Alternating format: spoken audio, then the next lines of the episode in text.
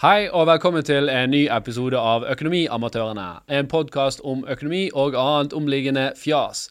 Podkasten er som vanlig sponset av Horde, så last ned appen. I dag skal vi snakke om eh, hvordan de rike investerer sine penger. Hvordan de forvalter sine midler. Vi skal få et eh, innblikk i, i deres liv, og vi har med oss en kjempespennende kar som kan mye om dette, og da forvalter penger for rike mennesker. Så denne episoden blir spennende. Følg med.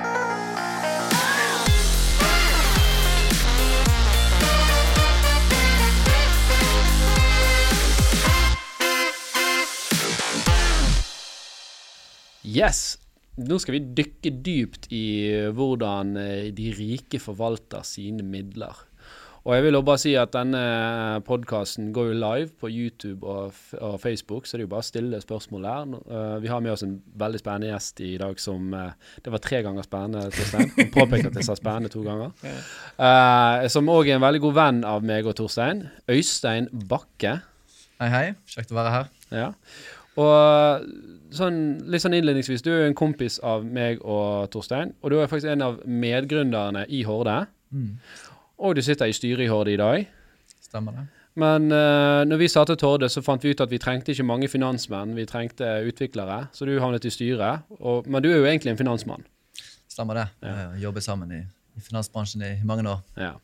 Veldig raskt eh, om, eh, om på en måte bakgrunn, da. Eh, Ja, ta, ta, ta presoen din, som vi, som vi sier. Sant? Når, vi, når vi gikk i kundemøter Jeg gikk, jobbet jo med Torstein uh, Øystein. Tidligere, og da hadde vi en sånn presentasjon som han alltid ga om seg sjøl ja, okay. når man gikk inn i et møte for å åpne dørene litt for, for kunden. da. men var det da for å bygge troverdighet, eller eh, Eh, b- Både litt som at det er sunn folkeskikk å presentere seg sjøl, men òg gi litt av seg sjøl, så jeg kunne gjerne skulle åpne seg litt tilbake igjen. Ja. Og, og selvfølgelig prøve å gi et godt inntrykk av at dette var kompetente mennesker. da. Kan du, uavhengig av situasjonen du sitter i nå, Øystein, ta akkurat den presoen?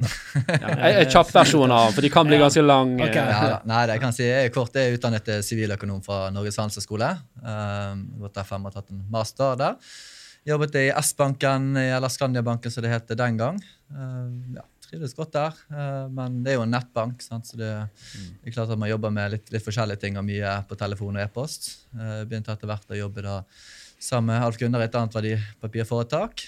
Uh, var der i, i mange år. Og så ble det da kjøpt opp av Søderberg og Partners da i slutten av 2020.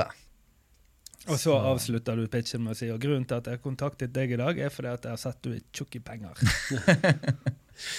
Ja, men du, du har jo òg en eh, litt annen bakgrunn eh, enn en det. Du har jo en vinnermentalitet. Uh, og det kan godt være du har kuttet ut av det pitchen, men jeg syns det var veldig bra uh, den gangen at du fortalte litt om din, uh, din andre bakgrunn. Ja, jeg har jo eh, satset på bordtennis. Ble jo lokket med der av noen i familien da jeg var eh, en liten gutt. Så, så jeg tok et valg på et eller annet tidspunkt å satse på bordtennis og flyttet da fra Bergen til Østlandet for å gå på Norges toppidrettsgymnas. Så da var det jo treninger hver dag. Jeg var jo så heldig jeg fikk være en del av landslaget der og reise rundt i verden og spille. Så, så det var veldig kjekt. Spiller ikke så mye ennå, litt, grann, men er- ja, det er litt andre ting som fritiden Du til. Du er jo en, du er jo alle, alle som lytter på, kjenner denne typen. Og det, og det er Øystein. Den typen som blir jævla flink i alt innenfor sport. sant? Du har begynt på padel nå nylig. Hvor du var i NM, eller? Ja, vi spilte lag-NM nå, eh, nå i helgen og kommer til semifinalen. Du er han der. Ja, han er han er irriterende Ja. kompisen som bare er god i alt. Ja. Om det er dart på kontoret, eller om det er sjakk, sjakkfeberen som kommer, så blir han faen meg god i det òg. Ja. Så det er, en, det er en smart fyr med høy vinner... Uh, Sånn vinnerskalle. Ja. Han er, han er irriterende. Men ja, eh, for, og, og vi begynte jo Eller du begynte litt før meg i vår gamle jobb, og så gikk vi jo eh, graden litt uh, sammen fra å være uh, trainee til rådgiver til seniordriver, og så partner, som, som du er i dag. Da. Så du, din jobb i dag er jo at du har en, en stor klientportefølje av rike mennesker som eh, kommer til deg for å finne ut hvordan de skal forvalte disse midlene sine. Mm, stemmer det. Så, og, og, og det er jo um, jo første spørsmål sant? Sånn overordnet, hva, hva går det ut på? Sant? Eh, Kan du ta oss gjennom litt prosessen? Ok, Nå, nå har du ringt meg, jeg, har, har, eh, jeg er tjukk i penger. Uh, hva, hvor, hvor, hvor går man videre? Ja, Det er jo en, en relativt sånn lang prosess da, hvor vi starter da gjerne med et, først et helt uformelt prestasjonsmøte, hvor vi presenterer da hvem vi er, hva vi kan, kan bistå med. Eh, bli litt kjent med deg og din situasjon, før man da kan kartlegge og se om det kan være grunnlag for et samarbeid. da. For du går inn og da sier til disse her, la oss si, vi, vi ser du er kjempeflink på fisk. Det vi er flinke på, er å forvalte din formue. Derfor burde du gi oss en sjanse. Eller? Ja, vi er jo uavhengige rådgivere. Sant? Så vi, vi, har jo ingen egne fond eller produkter hos oss. Sant? Går du til en bank i dag, så får du stort sett bankens egne produkter. og Det kan jo være bra i noen tilfeller, og så kan det være mindre bra i andre tilfeller. Mm. Mens vi har jo ingen egne produkter, så vi er jo vi er en uavhengig rådgiver og hjelper da å navigere i den jungelen av muligheter som er der ute for klientene våre.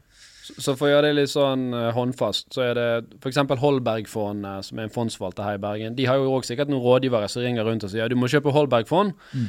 Men de kan òg komme til deg som en uavhengig rådgiver, og så sitter dere eller, Dere har jo et team da, som mm. sitter og vurderer. Skal vi ta inn Holberg-fondet, eller skal vi ta inn eh, Nordea-fondet eller KLP, eller eh, om det er BlackRock for den saks skyld, eller hvem det måtte være. Ja, stemmer. Ja. vi har jo et veldig stort analyseteam hos oss som sitter og gjør den jobben der. da.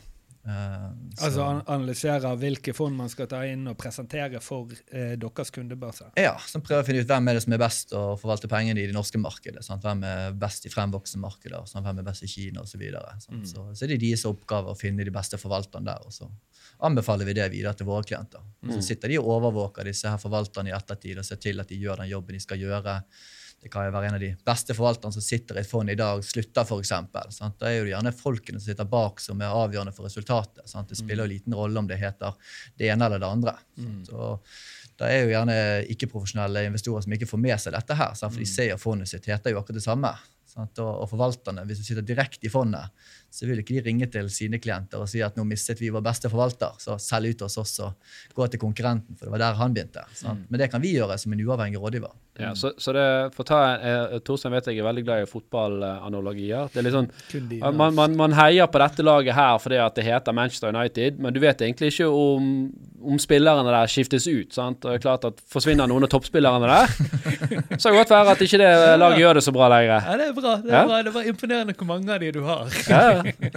men ja, ok, riktig. Så det at deres innsalg til en, eh, hvis jeg hadde vært en oppdretter da, med 700 millioner i bakken, er at uh, vi har uh, full objektivitet, uh, og vi har et kompetent personell som sitter og forvalter disse her pengene, uavhengig av bank mm. og sektor og alt. da. Mm. Og da vil man videre, videre, ta noe mer betalt enn det det vil koste å legge pengene inn i et vanlig indeksfond, eller? Ja, altså Vi kan òg velge indeksfond hvis, hvis, vi mener det er riktig. Sant? Så, så klart at Vi har jo en helt annen innkjøpspris, sant? for vi, vi, har veldig veldig mange milliarder under, under rådgivning. så, så innkjøpspris det betyr da at hvis jeg går på Nordnett og kjøper et fond, så kan det koste 1,5% men siden dere kjøper for milliarder, så får dere gjerne fondet for 0,6 For eksempel, ja. ja. Ok, Så kvantumsrabatt, rett og slett. Ja. ja. Og så får dere til og med, vil jeg tro, da, eh, tilgang på front som ikke jeg har tilgang på. Ja. Så det, Mange av de fondene vi har, er jo institusjonelle fond. Sånn, som, ja. hva, det, hva, betyr det? Nei, institusjonelle fond det betyr jo at du har måte, det vi kaller folkefond, sånn som alle kan gå og kjøpe i banken. sånn som er åpent for alle. og så har du... Det er et folkefond? Ja, eller et retail-fond. Ja. Ut. Mm. jeg kjøper Volkswagen i to selv. Du får ikke kjøpe, kjøre Mercedesen.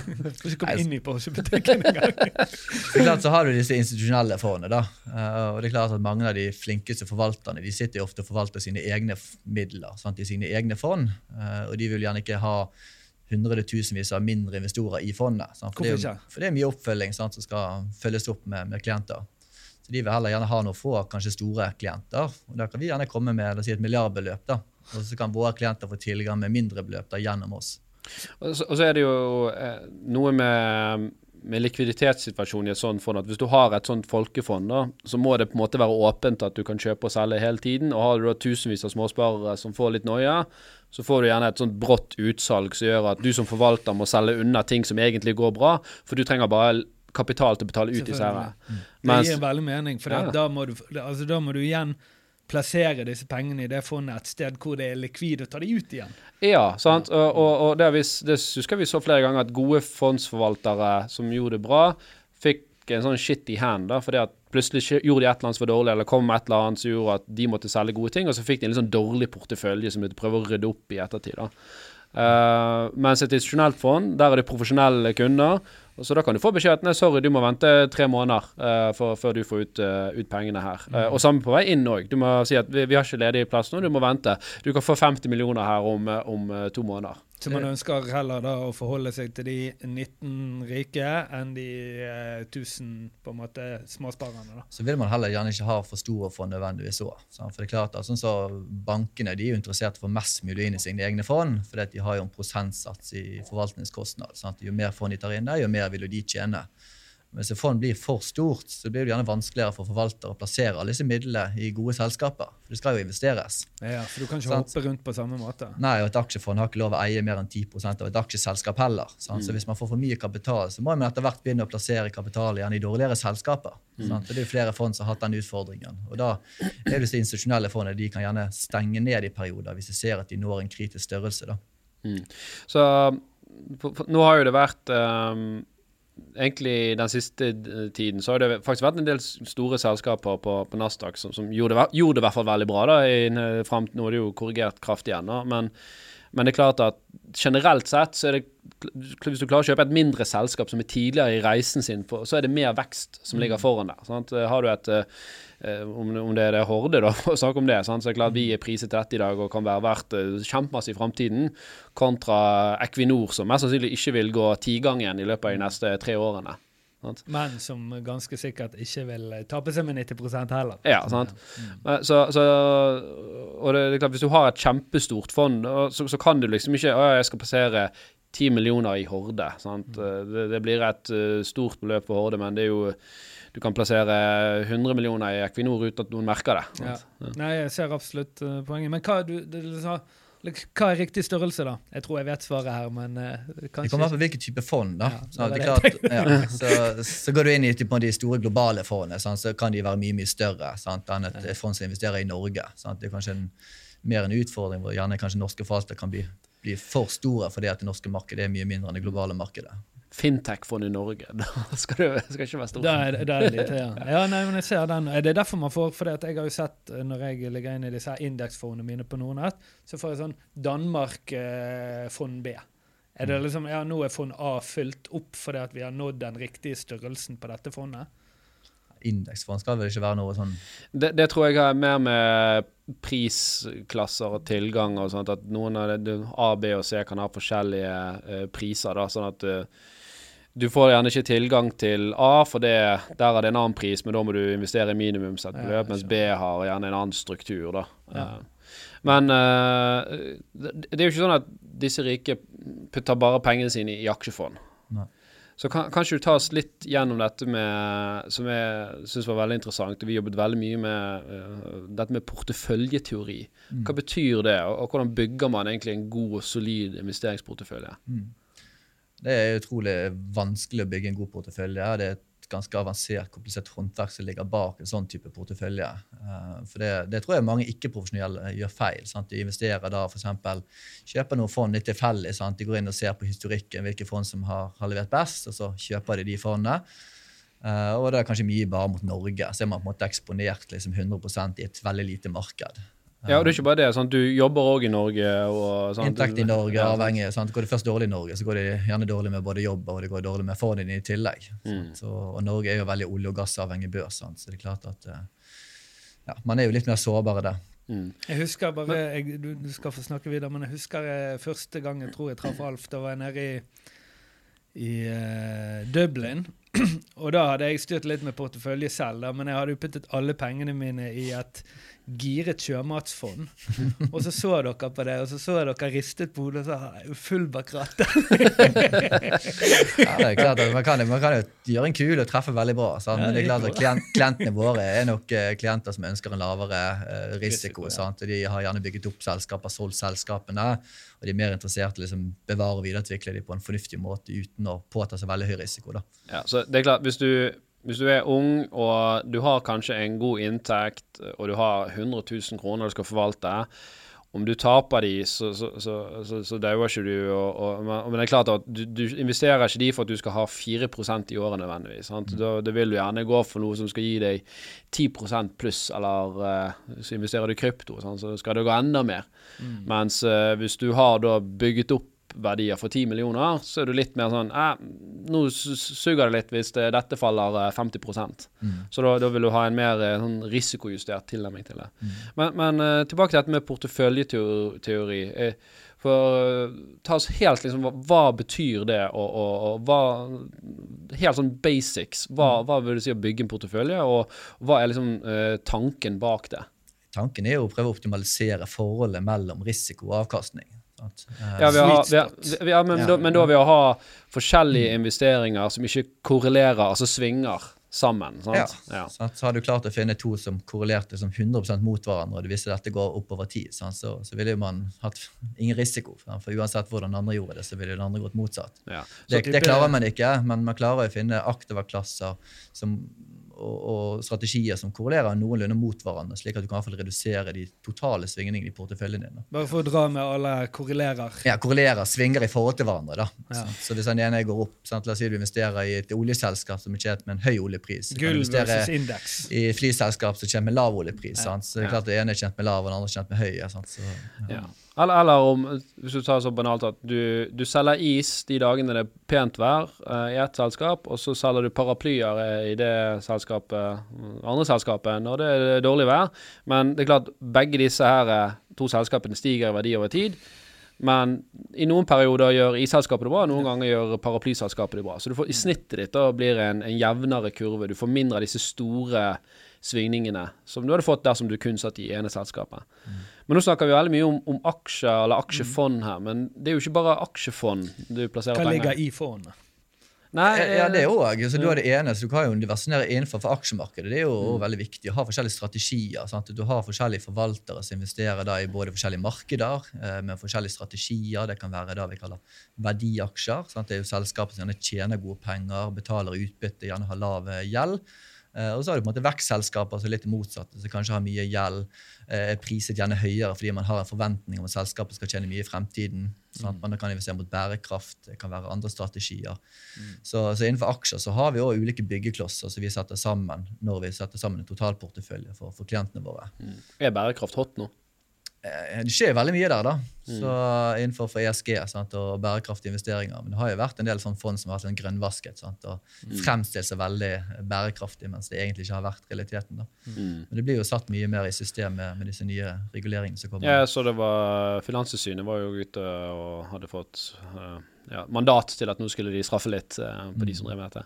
Men eh, Ja, aktive klasser. Eh, Vi Ja, har jo gjerne renteinvesteringer, altså obligasjoner og ulike rentepapirer. Hva er en obligasjon, da? Nei, altså, Når du kjøper en aksje, så kjøper du en eiendel del i et selskap. Eh, sånn at I obligasjonsmarkedet så kan du ut og låne pengene dine til selskaper eller til stater. Så får du da en rente for at de får låne pengene dine i en periode. Ja. Så hvis du kjøper en aksje, så er du med på verdistigningen og eventuelt får utbytter. Men kjøper du en obligasjon, så, så kjøper du på en måte deg inn i et rentepapir, altså et lån til dette selskapet. Så du, du, hvordan aksjen svinger har ingenting å si for deg, du får dine renteinntekter. Ja, Så lenge selskapet klarer å gjøre opp for seg, sånn, Ja. så får du den renten som, er, som dere har avtalt. Men så- hvis du da har uh, sikkerhet i selskapet gjennom lånepapiret, så vil vel du òg være først i køen til å få pengene tilbake med en konkurs. Ja, For ofte er det jo gjerne noen verdier som ligger igjen i boet hvis selskapet skulle gå konkurs. da. Ja, og da får eh, kreditorer, de får før aksjonærene. Så, men bare for å ta det, da. Og, og, og der er det jo forskjellig hva du får. Sant? Hvis du har et obligasjonslån til, til Equinor, så får du kanskje 3,5-4% altså relativt lav rente. Nå, altså det er jo høy rente nå, men tanke på at nå kan du gjerne få 3% på bankrenten, så får du kanskje litt over det du får på bankrenten. Mens eh, du kan jo finne obligasjoner hvor du får 15% rente, om det er til et eller annet flyselskap f.eks. Uh, som sliter, og, og, og den type ting. Så. Så det er jo et marked, det òg. Så du har, du har rentepapirer, og du har aksjer og aksjefond. Hva flere aktivklasser har man? Nei, du har jo, Man kan investere i eiendom, man kan investere i unoterte selskaper. Men når du sier eiendom, da er ikke det uh, Rolland og co. som er ute og flipper en eh, leilighet i Bergen sentrum? Altså, noen har jo driver med eiendom, eiendom på, par. Alf var så fornøyd med Det var en liten shout-out der. ja, nei, Noen gjør jo eiendom på egen hånd. Sant? De kjøper eiendommer og er litt vaktmestere og følger opp eiendomsporteføljen sin Jo, men dere tilbyr jo det, eller vi gjorde det i hvert fall i ja, min vi, tid. vi har jo bevisst valgt å ikke gjøre det, Ok. eh, og tilby eiendomssyndikater. da. Sant? Det er jo en helt annen struktur. Vi, vi, Hvor, Hvorfor har ikke dere det? nei, vi jobber kun med, med likvide investeringer, altså så papirer som er lett omsettelige, som, som kan selges okay, enkelt. Så dere er jo ikke private equity Equity heller, da? Nei, vi har eh, Ja, det kom jo, eh, det kom jo dette Mifi-direktivet som du kjenner til, og der var jo ESMA ute at, at Nå blir det, nå blir det ja, ja, ja, ja, altså ESMA, det europeiske eh, altså finanstilsynet, da. Mm. De, de mente at skal du være uavhengig rådgiver, så skal ikke du kunne ha en interessekonflikt ved å, ved å anbefale type private equity og eiendomssyndikater, for det er gjerne dyrere strukturer som har en annen kostnad. Altså dyrere for, eh, for brukeren. Ja, ja, ja. Det er en dyrere struktur å sette opp. Sant? Kostnader er gjerne høyere i sånne type produkter. Ja, Og hvis vi, hvis vi som en uavhengig rådgiver skal anbefale det som gir oss en høyere inntekt, så kan vi ha en interessekonflikt. Ja, sånn, ja. Ja. Okay. Men uh, bare for å ta, ta, ta Så dere leverer ikke private equity i dag, for dere har dette uavhengighetsstempelet, men private equity er jo, òg en aktivaklasse som, som, som mange rike mennesker putter penger i. Eh, og, og det et private equity-fond gjør, er at de kjøper jo selskaper som ikke er kommet på børs. Eh, sånn, det er selskaper som er kommet i en viss størrelse, så går man inn og så kjøper man de, og så håper man da på å børsnotere de, eller selge de videre til, til andre større selskaper. Så historisk sett så er jo det en aktiva klasse som har levert eh, betraktelig over gjerne aksjemarkedet for å komme inn i en tidligere fase. Men det har jo òg selvfølgelig større risiko eh, med seg. Og så sitter du veldig mye mer låst. Sant? Du må gjerne ha ti års horisont skal du ha et sånt eh, type private equity. eh, eh, eh, investering da. Ok, for det ligger ikke annenhåndsmarkeder der. Det gjør det, men i hvert fall i min tid så måtte du ganske langt ned i pris. Du måtte kanskje gi en eh, 20-30% rabatt. mm. fordi at uh, det, så, det er jo sånn finansmarkedet fungerer. Sant? Er det lite likviditet der, så må Ja. du ned i pris for å få det solgt. Klart ja. Sånn, så derfor, For at uh, et marked skal fungere, så må det være en viss grad av likviditet. Og Det er liksom mm. hvorfor vi har strukturert booster sånn som vi har strukturert det. Sant? At vi ikke har tokenisert én og én bolig skal selges. Vi samler alt eh, i én portefølje. For å eh, ha én coin som har større likviditet, kontra mange små coins som har veldig dårlig likviditet. Ja. Nei, men Vidar. Er det flere aktive klasser dere er inne i? Eller eh, man typisk vil være inne i for å liksom, skape et, et slags uh, diversifisert fond? Nei, så det er, du har jo litt sånne alternative strategier også, sånn, som, som kan tjene penger litt uavhengig om Bondegårder i Bulgaria?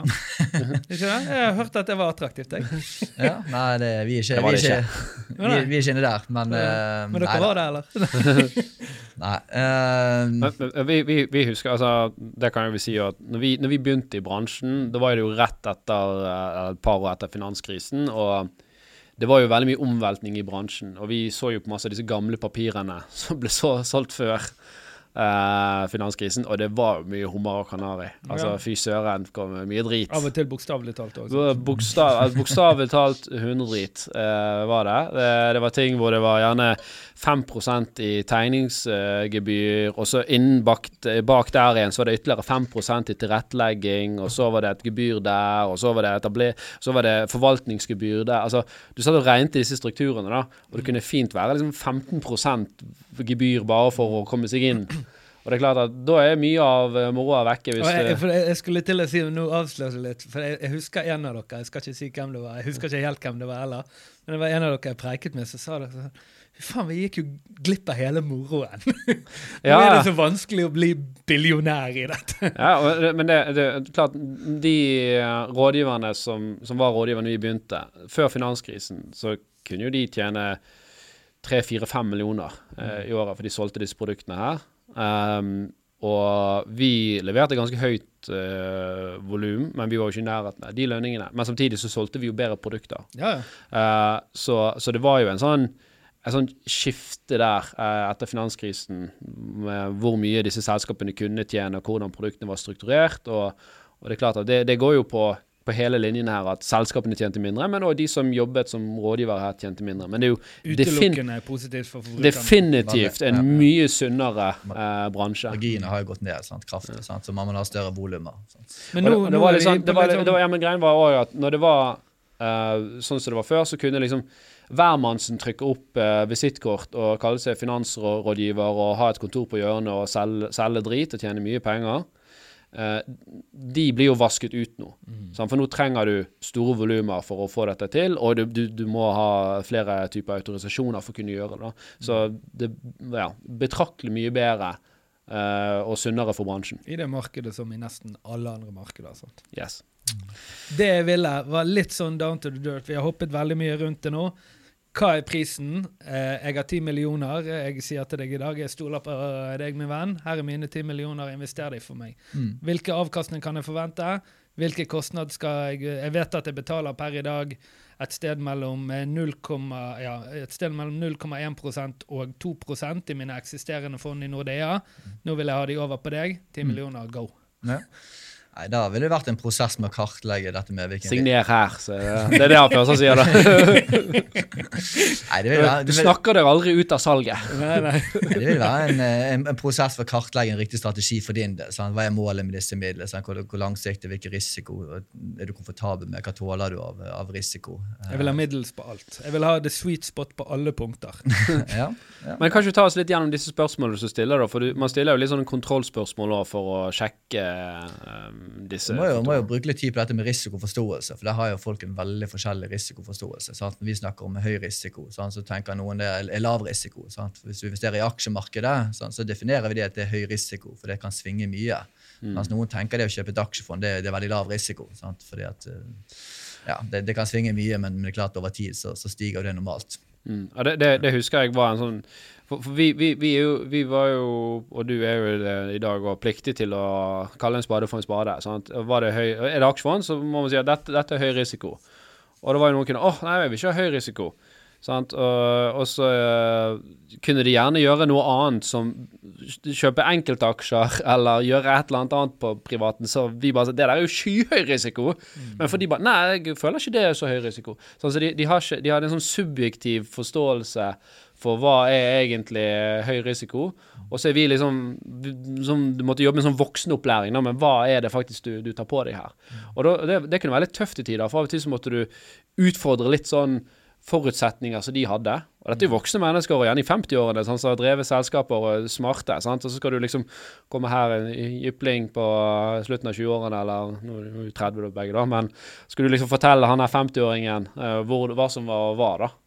Så, så du møtte jo sånne situasjoner òg, og, og, og ofte er det jo sterke personligheter, de som har skapt verdier. sant? De, de er kanskje vant til å få viljen sin og har en, har en driv. da. Så det var bare en liten sånn distinksjon. for at Jeg, no, jeg fikk sånn flashback nå. Ja. Det Ja, det er liksom viktig at jeg skal få en forståelse for hvordan ville du reagert hvis noe skjedde. da. Sånn, La oss si at du får helt panikk hvis markedet faller 20% og så selger du det ut. Sant? Det er jo kanskje det dummeste du gjør, sant? å selge ut når markedet har falt veldig mye. Sant? Så, men det er klart at du, er du komfortabel med det og sitter videre og har et langsiktig perspektiv, Sånn. så kanskje du kan ha, en høyere risiko for det vil gjerne gi deg bedre betalt over tid. Men ville du klart å avdekke i, dette, i denne forventningsavklaringen Om jeg var en sånn type, så hadde jeg sagt sånn Nå har, nå har alt stupt ut. ut. Altså, stort sett så klarer jeg Vi stiller ganske mye spørsmål og snakker rundt, rundt uh, den biten. Men det er klart at sånn som i fjor så var et, et krevende år med alt som skjedde med krig og høy inflasjon og markedet som var, var nede, så, så var det jo gjerne enkelte merket at ja, okay, han var, ble kanskje litt mer stresset enn det han ga uttrykk for at han ville bli hvis noe sånt skulle, skulle skje. Da kanskje vi må justere litt i, på, på strategien fremover. Sånn. Ok, Så bare med å spørre disse spørsmålene, så skaper du refleksjon rundt de situasjonene, da. Veldig sånn typisk, Hvis du hadde hatt ti millioner, da, så kunne jeg eh, spurt deg Hvis jeg ringer deg og sier at du, du, nå er det steget med to millioner, da blir du glad, sant? Og Hvis jeg ringer deg og så du, nå er det, nå er det de ti millionene de er blitt åtte nå, på en måneds tid. Hvordan føles det? Sant? Ja, Da Og- og- tar og vi de to millionene fra overskuddet, putter det på de åtte, så er vi tilbake på Ja, Ja, nei, men så jeg kunne altså, gitt sånne scenarioer. Så, jo da, jo da, det, det var jo greit å tjene, millioner, å tjene to millioner. Altså, men hvis du tapte to millioner Å nei, faen, det vil jeg ikke. Sant? Ok, men da skjønner man at der var det en smerte 20 eh, her, to millioner. Det, det, hvis, hvis vi ringer deg kort tid og det har skjedd, så, så var det litt utenfor din nå, eh, nå kjente jeg sånn sug i magen. Det er bare spørsmålet, Har jeg en portefølje jeg kan gå inn og se på? da? Vet jeg hva som ligger der? For hvis jeg sitter og ser på et indeksfond, så føler jeg at jeg tar kontroll. Men hvis det er noen som ringer meg og bare sier sånn du, 'Nå er du ganske mye ned'. Eh, Hvor er fondene mine? da? Hvor kan jeg logge meg Ja, inn? ja, men, ja, du, du, du har jo inn Vi hadde jo, antar at det Ja, da, du har full, full tilgang, kan sjekke okay. hver dag og se på, så det er ikke sånn at det, Nei, det faller eh, Ja. Men uh, altså, hvis du logger inn, da, kan du si sant? Altså, vi, Man prøvde å stille sånne spørsmål. Hvis du logger inn, og så ser du at nå er det falt en million her, hva, hva får du helt hetta da? sant? Og, og For det er jo Jeg husker ikke akkurat tallet, men det er sånn forholdstall at eh, eh, negativ konsekvens veier bortimot liksom ti ganger så mye som en positiv eh, konsekvens. da, Men så er det òg liksom eh, i, i forhold til din situasjon. Klart Hvis du har 10 millioner, og det er 100 000 du vinner, eller 100 000 taper, så bryr du deg ikke. Sant? Men hvis du har 100 000 å investere, eller 200 000, så bryr du deg veldig mye. Så det, du må finne liksom, det forholdstallet for hvor er det liksom du, du Ja. Så man stilte litt sånne spørsmål, husker jeg, da, for å prøve å finne ut Stressteste litt. Eh, Ikke bare sånn ja, du, du, du tåler høy risiko. Ja, ja, ja, det må, må jo svinge litt. sant? For Alle sier jo liksom det at de er litt tøffere enn det de faktisk gjerne er. Så det er jo gjerne typisk gjerne litt krevende år du faktisk ser hvordan de vil reagere, eller hvordan de faktisk reagerer. da. Har du noen gøye eksempler? Eh, Du trenger jo ikke å navngi, det har du ikke gjort Nei, uansett. nei, Det har du ikke lov til, tror jeg faktisk. Nei, det, Stort sett så, så, så går det veldig greit, da. Så, Ingen som har ringt deg liksom helt i panikken og sagt 'ut med pengene, din jævel'! det, folk, folk tror jeg har lært litt og er ganske flinke, så det, så det er jo veldig glad for at folk ikke selger ut når, når ting faller, faller mye. da. Men, men hvordan var det, var det i, i, i, i fjor, da? Altså, Merket man at det var sikkert vanskeligere å hente nye penger? Uh, og hva, hva var stemningen blant uh, disse rike menneskene? Altså det er klart at det er jo, De fleste forstår jo på en måte det som skjer i verden. Sant? At det er krig sant? Med, med to av de to største landene i Europa. Sant? At vi har en høy inflasjon og det med, med, Kina og Taiwan. altså Det er mye som skjedde sant? med ettervirkninger av korona og nedstengninger i Kina ytterligere. sant? Det har aldri tenkt på, at det er krig mellom de to største landene i Europa. Nei, ja, ja, ja. det er jo det. Ja, unnskyld. Så, um, så, så det klart jeg tror, jeg tror liksom de fleste kanskje forventet at ting skulle falle mer enn en, en de har gjort. da. Ja. Jeg, jeg har satt med den magefølelsen at dette var jo ikke så gale. 20 ja. Så det er jo ikke sånn, det sånn statistisk på. Nå er jo en krig aldri lik, men, men, men kriger påvirket altså Aksjemarkedet blir relativt lite påvirket sånn Hvis du går tilbake i tid. Sant, så Aksjemarkedet er, er veldig kynisk. Sant? De, de bryr seg liksom lite om mennesker dør sånn sett. De bryr seg mer om hva skjer i markedet med økonomien, energiprisene, sant? handelen mellom de forskjellige landene. Sånn, får folk mat. Så, så er det klart Men at eh, blir det på en måte innført nok sanksjoner, så må vel markedet Ja da, sånne ting som det er jo sånn som er konsekvensen av en sånn type krig. da. Da sitter jo en forvalter og tenker at ja, men nå blir det sanksjoner mot uh, Russland. Ja, men det betyr at oljeprisen går opp.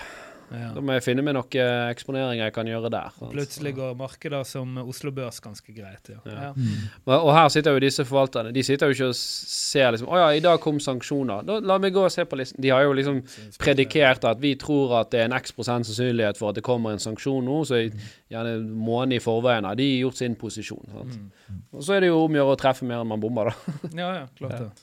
Så, det, ja da, så, så markedet klarte seg, i hvert fall en del av markedet klarte seg relativt bra i fjor. da, Så jeg tror, tror mange var, ja, syntes det var på en måte greit selv om Mm. Man gjerne hadde noen prosent i minus i fjor. da, Så tror jeg på en måte folk aksepterte det i forhold til hva de opplevde i verden, og hva de leser i avisene. sant? For Avisene de lager jo store overskrifter sant? og skal, skal selge aviser. sant? Og Ja. Da blir man litt påvirket av det. For det var jo eh, noen sånne korreksjoner gjennom vår tid, både 2011, 2014 og ja, med krim og oljepriser og litt sånn forskjellig. Eh, og, og, føler du at folk har lettere for å akseptere denne gangen, for nå er det så Nå, nå føler jeg det rett i trynet på oss. De andre gangene var litt sånn ah, ja, det skjer noe i, nede på Krimhalvøya, og det, det ja, oljeprisen Ja, Stavanger, litt kjipt der nede. Litt det, er kjipere lunsj på de. Så det, det var, var liksom inntrykket mange hadde her i Bergen, kanskje i Oslo. Men føler du at denne gangen er det mer sånn det Jeg går tror, tror mange har lært. da. Så, så jeg har opplevd at Når markedet faller, så er det faktisk mange som tar kontakt med sier vi skal ikke vi investere litt mer nå, for nå er det jo kanskje litt rimeligere å ha lang horisont. sant? Mm. I tålersvingninger. Så, så, så det er jo liksom veldig kjekt når du får, får sånne type telefoner av folk som liksom ikke skal selge ut i panikk, men heller se mulighetene. da. Det, mer- det merker jeg med hodet mitt veldig, at når jeg ser indeksfondene mine i rødt, så kjenner jeg sånn ah, kjøpsmulighet. Mens hvis jeg ser et eller annet, uh, en enkelaksje i rødt, så er det mer sånn uff, Ja. her går det til helvete. Ja, For det er jo veldig stor forskjell. Ja, ja. Ja, for det er jo litt sånn gøy når vi snakker om dette med porteføljebygging og eh, diversifisering. Sant? Diversifisering er jo bare et fancy ord på å ikke legge alle eggene i, i samme kurv. Eh, og det er jo det egentlig det som er jobben din. Sant? Passe på at man har tilstrekkelig med kurver her, og at man har valgt noen gode kurver.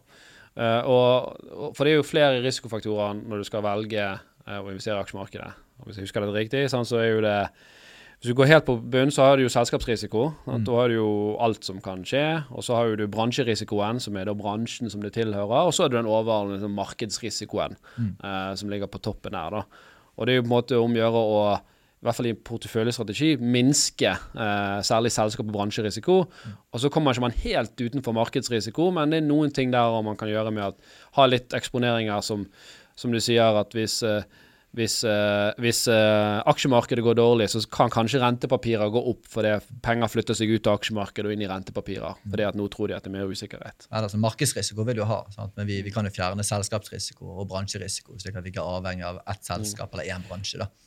Men, men føler du for, for, for jeg husker jo det, når vi begynte, så var det sånn at det var en viss sånn uh, um, en korrelasjon, eller antikorrelasjon mellom aksjer og obligasjoner. Men det har liksom bare forsvunnet. Ja. Eh, for, for det var liksom Det var forutinntatt. Det at når eh, aksjemarkedet går dårlig, så stiger obligasjonsmarkedet for pengene å gå inn der. Men så har jo man hatt quantitative easing og en kunstig Ja, lav sånn, rente. ja. Så liksom obligasjonsmarkedet bare blitt helt, helt ødelagt. Ja, riktig, Eh. for det at man på en måte kjører motkonjunktur, da.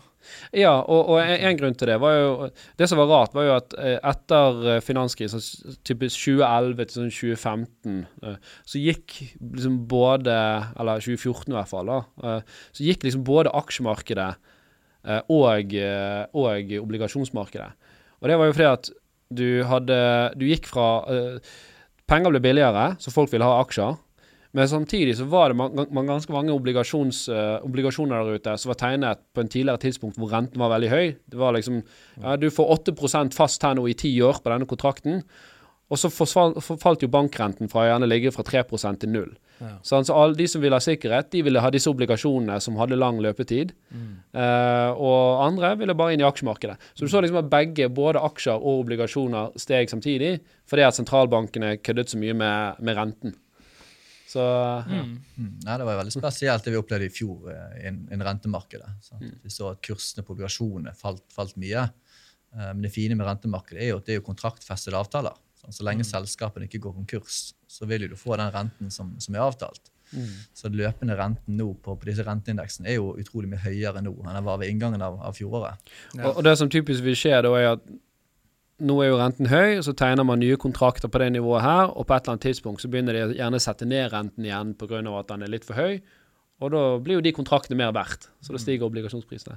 Det, dette var kanskje litt sånn men, men det er litt interessant å snakke om, for obligasjonsmarkedet er vel ca. tre ganger så stort som aksjemarkedet òg. Eller var i hvert fall det. Ja, om vi kjenner mer. Ja.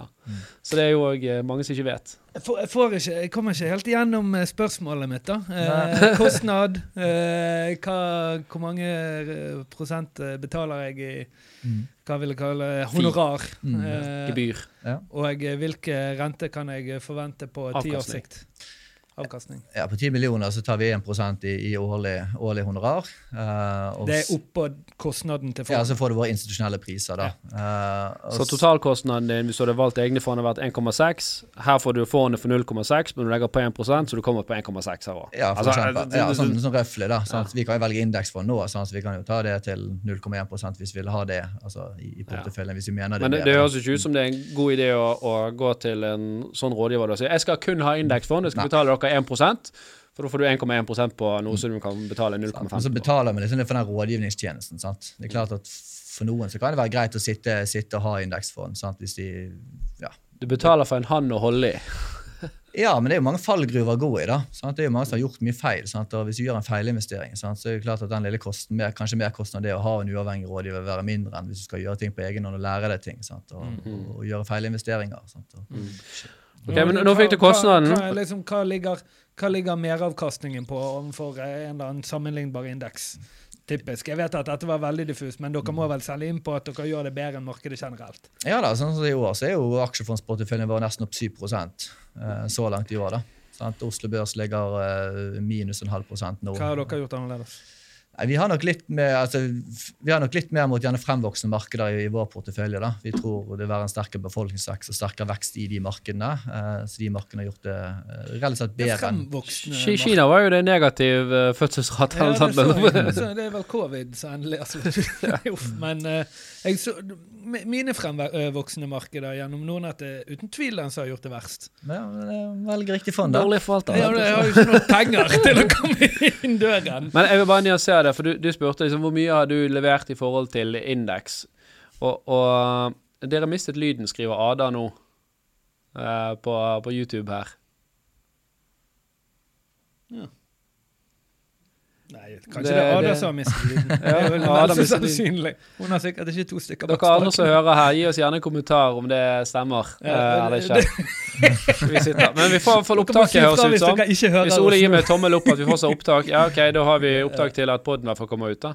Men eh, nei, for det skulle si at For nå samlet du La oss si at aksjemarkedet og indeksen leverer 7 Mm. Så er ikke nødvendigvis øyset sitt mål at han skal slå 7 han, skal, han kan si at vi, vi skal bare klare 6% Men vi skal, vi skal klare det med mye mindre svingninger enn det du må uh, ha hvis du kun sitter i aksjemarkedet.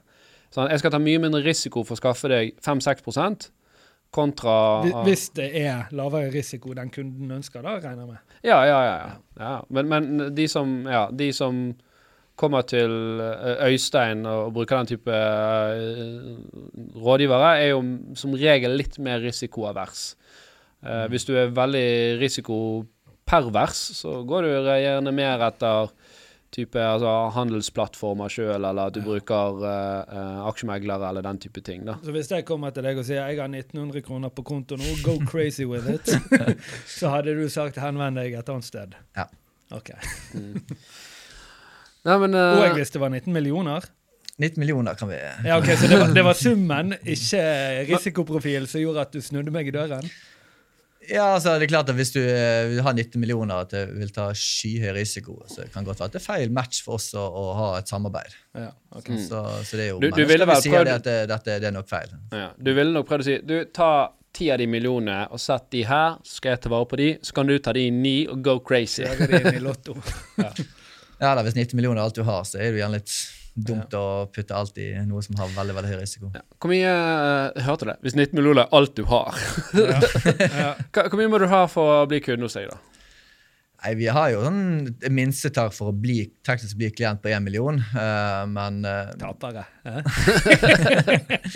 Men uh, ja, jeg, jeg er jo partner i selskapet ønsker jo utgangspunktet å jobbe med, med større klienter. Mm. Så jeg jobber jo i team med, med andre som har kortere fartstid, sånn, som kanskje jobber med, med, med, med, mindre klienter. Sant? Kanskje i sjiktet 2,5 til, til, til 10 millioner. Sant? Mens kjerneklienten vår er jo gjerne sånn 10 millioner pluss. da. Mm. Hva er den eh, minst bemidlede, blir vel riktig å si, kunden du har privat, da? Nei, det, Veldig røft, selvfølgelig. Så det er jo litt, litt altså vi har, jo, vi har jo gjerne gjort unntak for gjerne barn av, av større, større, Ja, større klienter sånn, som ønsker å, å få litt rådgivning der. Da. Men, Jeg skjønner. Ja. Ja. Mm. Men eh, noen millioner. Men- Så ja, vi har Jeg ser du er ukomfortabel. Ja, men ah, det, det er jo eh, Jeg, jeg skjønner Øystein, for han har jo bare x antall timer i døgnet. Sant? Så han, og, og dette skjedde jo når jeg jobbet der, at vi som var partner, vi hadde jo ganske mange kunder. Vi fikk helt inn nye, og da måtte vi gjerne gi fra oss noen. Og så var det noen som som du bare sånn Ja, han kan jeg gi fra meg, for han har en liten portefølje, og jeg har egentlig ikke noe sånn voldsomt connection med han. Og så var det noen av de som hadde mindre, som ja, han må jeg ha, fordi vi har en god connection. Jeg, eller jeg har, jeg har liksom, ja, lovet han at jeg skal altså, Det blir en sånn relasjonssak, da. Jeg sant? ser absolutt det. Og, og, og selv om Øystein gjerne gir fra seg en kunde, så betyr ikke at han nødvendigvis forsvinner helt av prosessen. Det kommer en annen som blir hovedrådgiver, og så kan de fortsatt dra inn Øystein hvis det er noe, hvis han absolutt vil høre hva Øystein tenker uh, om, om, om noe, da. Så sånn er det. Noe men- mer uh, juicy her? Ja, men jeg, ja, for jeg tenkte på en ting. For det som er uh, Vårt tidligere selskap vi jobbet sammen, var jo relativt lite. Det var mellom 40 og 60, avhengig av tidsperioder. da. Eh, nå er det 3000 eller et eller annet som jobber i Søderberg. Så vi, er- vi, er- vi er en del av et veldig stort konsern. da, så I hele Søderberg og Partners-konsernet så er vel nærmere 3500 ansatte. Ja. sant? Som Eh, kun jobber med det, mot eh, Nei, så Vi har egne selskaper som jobber med forsikring, vi har egne Ja, selskaper med pensjon, og så er det den avdelingen som jeg jobber i, som er formuesrådgivning. da. Mm. Uh, og så har vi avdelinger i, i flere, flere land. Da. Har dere forsikringsmegling? Ja. Men, men det, det jeg skulle spørre deg om, det er at jeg, eh, jeg ser jo dere gjør, uh, dere gjør jo eh, markedsrapporter òg. Mm. Kan, uh, kan du dele litt med hva disse analytikerne deres uh, tenker om verden og fremtiden nå, da? Ah, Ja. Det var spennende, ja. Ja, for jeg anbefaler å gå inn og lese nyhetsbrevet. Eh, Det kommer jo det kommer hver måned. Eh, Så kommer det både en porteføljekommentar til porteføljene våre, og det kommer en markedskommentar. Og Det tar jeg man opp typisk ting hva som har skjedd, hva som rører seg i markedet. Sant? Eh, Alt fra situasjonen med, med krigen til om det er korona sant? og andre, andre ting som skjer i, i, i markedet. da. Eh, Men det er klart at vi er jo ikke noe megler som skal sitte og handle fra, fra nyhetsbildet fra uke til uke. Sant? Nei, men det Eh, skaper vel en form for sentiment med at uh, nå kan det være greit å vekte seg litt inn, eller nå tror vi det blir litt trått framover her, så det kan altså at, Ikke det at man liksom skal snu om på hele porteføljen, men nå drar vi litt i bremsen, nå kjører vi litt på. Altså man får jo liksom noen form for indikasjon da, for hva man tenker. Ja, det, er jo, det er jo en del ting som for å svare på spørsmålet, som ser mer positivt ut nå enn det de gjorde i, i, ved fjoråret. Eh, sant? Nå har eh, Kina åpnet opp igjen. Sant? De har jo mer eller mindre vært stengt i, i tre år. Eh, du har Europa som har klart seg veldig bra gjennom energikrisen. Sant? Vi har hatt en mild vinter. Sant? Russland, nei, eh, Tyskland har jo klart å ekskludere seg fra å bruke russisk gass. eh, I, altså, de har rett og slett 0 Nå ga alle disse ESG-målene rett på bålet, du. Nå er det opp med kullfabrikkene. Ja, ja, ja, det er jo det. Så, så det, er jo, det er jo en del ting som i hvert fall ser, ser bedre ut nå da, eh, enn en, en tidligere. Inflasjonstallet sant, har begynt å gå, gå ned. Sant? Hva skjedde med renten i dag, egentlig? Uendret. Ok, Kjedelig, da. Så, um, ja, så det er sånn, det er i hvert fall positive signaler der, selv om det selvfølgelig kan bli ruglete på kort sikt. Så, så, så tror vi at aksjemarkedet kommer til å levere i hvert fall bedre avkastning enn fjor. Men det er, det der, fordi at Hender det at dere går ut i dette nyhetsbrevet eller til kundene og sier ting er jækla bra nå, men det er dessverre priset inn. Ta ut pengene dine. Eh, altså, sier ikke ta ut pengene, ikke altså, de, alle tar ut. Det er bare sånn over, flytt over til renter. Ja, okay. Altså, vi Så de, de, får, de får jo betalt uansett, sant? ja. Så for vår del spiller det ingen rolle om du har høy risiko eller lav risiko i, i porteføljen din. Så hvis vi mener det er riktig å ha lavere risiko, ha mer mot renter, så kan vi jo fint gjøre det. Så sant? det er omflytninger. Og det er jo, kan jo være en interessekonflikt hvis du sitter med en rådgiver i en bank, f.eks. Ja, For de har jo høyere kostnader på produkter gjerne med høyere risiko. Sant? Eh, og da vil jeg gjerne anbefale å ha mer av den type produkter, at du kanskje ikke får det rådet som, som du burde, burde få. En bank vil gjerne tjene la oss si 1,5 på å ha deg i aksjefond, men bare en, en halv prosent på å ha deg i renter. Sant? Ja. Så de vil jo da si nei, aksjemarkedet er jo gode greier. Ja. Men eh, du nevnte en ting her uh, før vi begynte som jeg syns var litt interessant. Og, og- det var at dere har jo begynt å, å, å få faktisk uh, noen klienter som, som er kryptomillionærer. For det var, ikke det var ikke kommet helt eh, når jeg jobbet der, at man oppdaget det. da. Mm. Merker, dere, merker du at disse har en litt annen risikoprofil? Uh? Ja, de har nok eh, altså, de har nok en litt annen kanskje tilnærming til Gjør dere krypto sjøl, eller er det noe dere har vurdert? Nei, vi, vi, gjør, vi gjør ingenting innen kry- innen krypto. Mm. Men det har jo vært diskutert og vurdert. da. Men eh, det er Booster, da, eller? Ja, kanskje. Så, men eh, det er iallfall ikke noe vi har i dag, da. Mm. Eh, men ja, det er så riktig som du sier, at vi har jo fått noen kryptomillionærer som har valgt å ja, sikre gevinst, som har skapt en stor formue gjennom, gjennom krypto. Som, For da kommer de og sier 'forvalt dette på ordentlig måte'. Eller kanskje vi har litt lavere risiko. sant? Det er klart at eh, En del av de traff jo relativt bra sant? og kom seg ut på, på mye høyere nivåer enn der kanskje sånn som bitcoin ligger i dag. da. Mm. Så um, ja, Det er jo ingen som har blitt fattig av å sikre en gevinst og kanskje vel vil ta ut litt, litt av midlene, men kanskje sitte litt videre med, med de mindre deler av porteføljen sin. Mer merker du en endring på eh, skipsrederen som kommer, og på kryptomillionæren? Ja, jeg vil si Det er litt, litt forskjell på, på de to. Jeg får høre litt mer, da. Nei, det er klart at De som har sittet i krypto, har jo gjerne skapt en stor formue på kortere tid, kontra gjerne en, eh, en som har vært i skipsmeglerbransjen. eller En som faktisk har tjent pengene. Som har, kommer- som har jobbet vi- om vi kommer i dress eller caps. Ja, nei, det er, nok, det er litt forskjell på, det, på, på hvem, vi, hvem vi treffer. Mm. Veldig eh, spennende å høre om, og litt sånn nostalgi eh, kjenner jeg fra, fra, fra den tiden der, da. Eh, er det noe sånn Du får jo sikkert en del kompiser uh, som spør òg om uh, Hva skal jeg gjøre, Øystein? Ja, nå har jeg 100 000 her, eller Torstein ringer, da. Hva skal jeg gjøre, Øystein? Hva, hva, hva sier du til de? Nei, det, Ikke, ikke noe sånn kjedelig svar nå. Kom an. Bare Gå litt ut på Gi litt sånn tips nå. Ja, det kommer, men det kommer helt an på hvilken risiko og tidshorisont. Det er det Ja, kjedelige politiker, svaret. ja. Så, men, La oss, la oss eh, si sånn som eh, Thomas Jassen sa. Jeg gjør det, du gjør jeg. Hva gjør du? ja. Ja, hva, gjør- ja det var fin. Hva gjør du? Jeg investerer i aksjemarkedet i, i akkurat samme aksjefondet som jeg anbefaler mine klienter. Hvor stor vekting har du i aksjer nå, da? Jeg har 100% i aksjer Åh. i min portefølje. Ja. Så, Ingen tørt krutt? Eh, ja, så jeg har, jo, jeg har jo et rammelån som jeg kan bruke sånn hvis, eh, hvis jeg skulle Jeg vet jo at du har en del, eh, en del av middelet i vinen hjemme. Hadde. Helt til du kom på besøk, til oss der. da forsvinner det. Nei da. Så, ja, så jeg er langsiktig, tåler store svingninger. Sånn at det er komfortabelt. Aksjefond, alt sammen. Ja, Så du er ballstyp rett inn i aksjefond.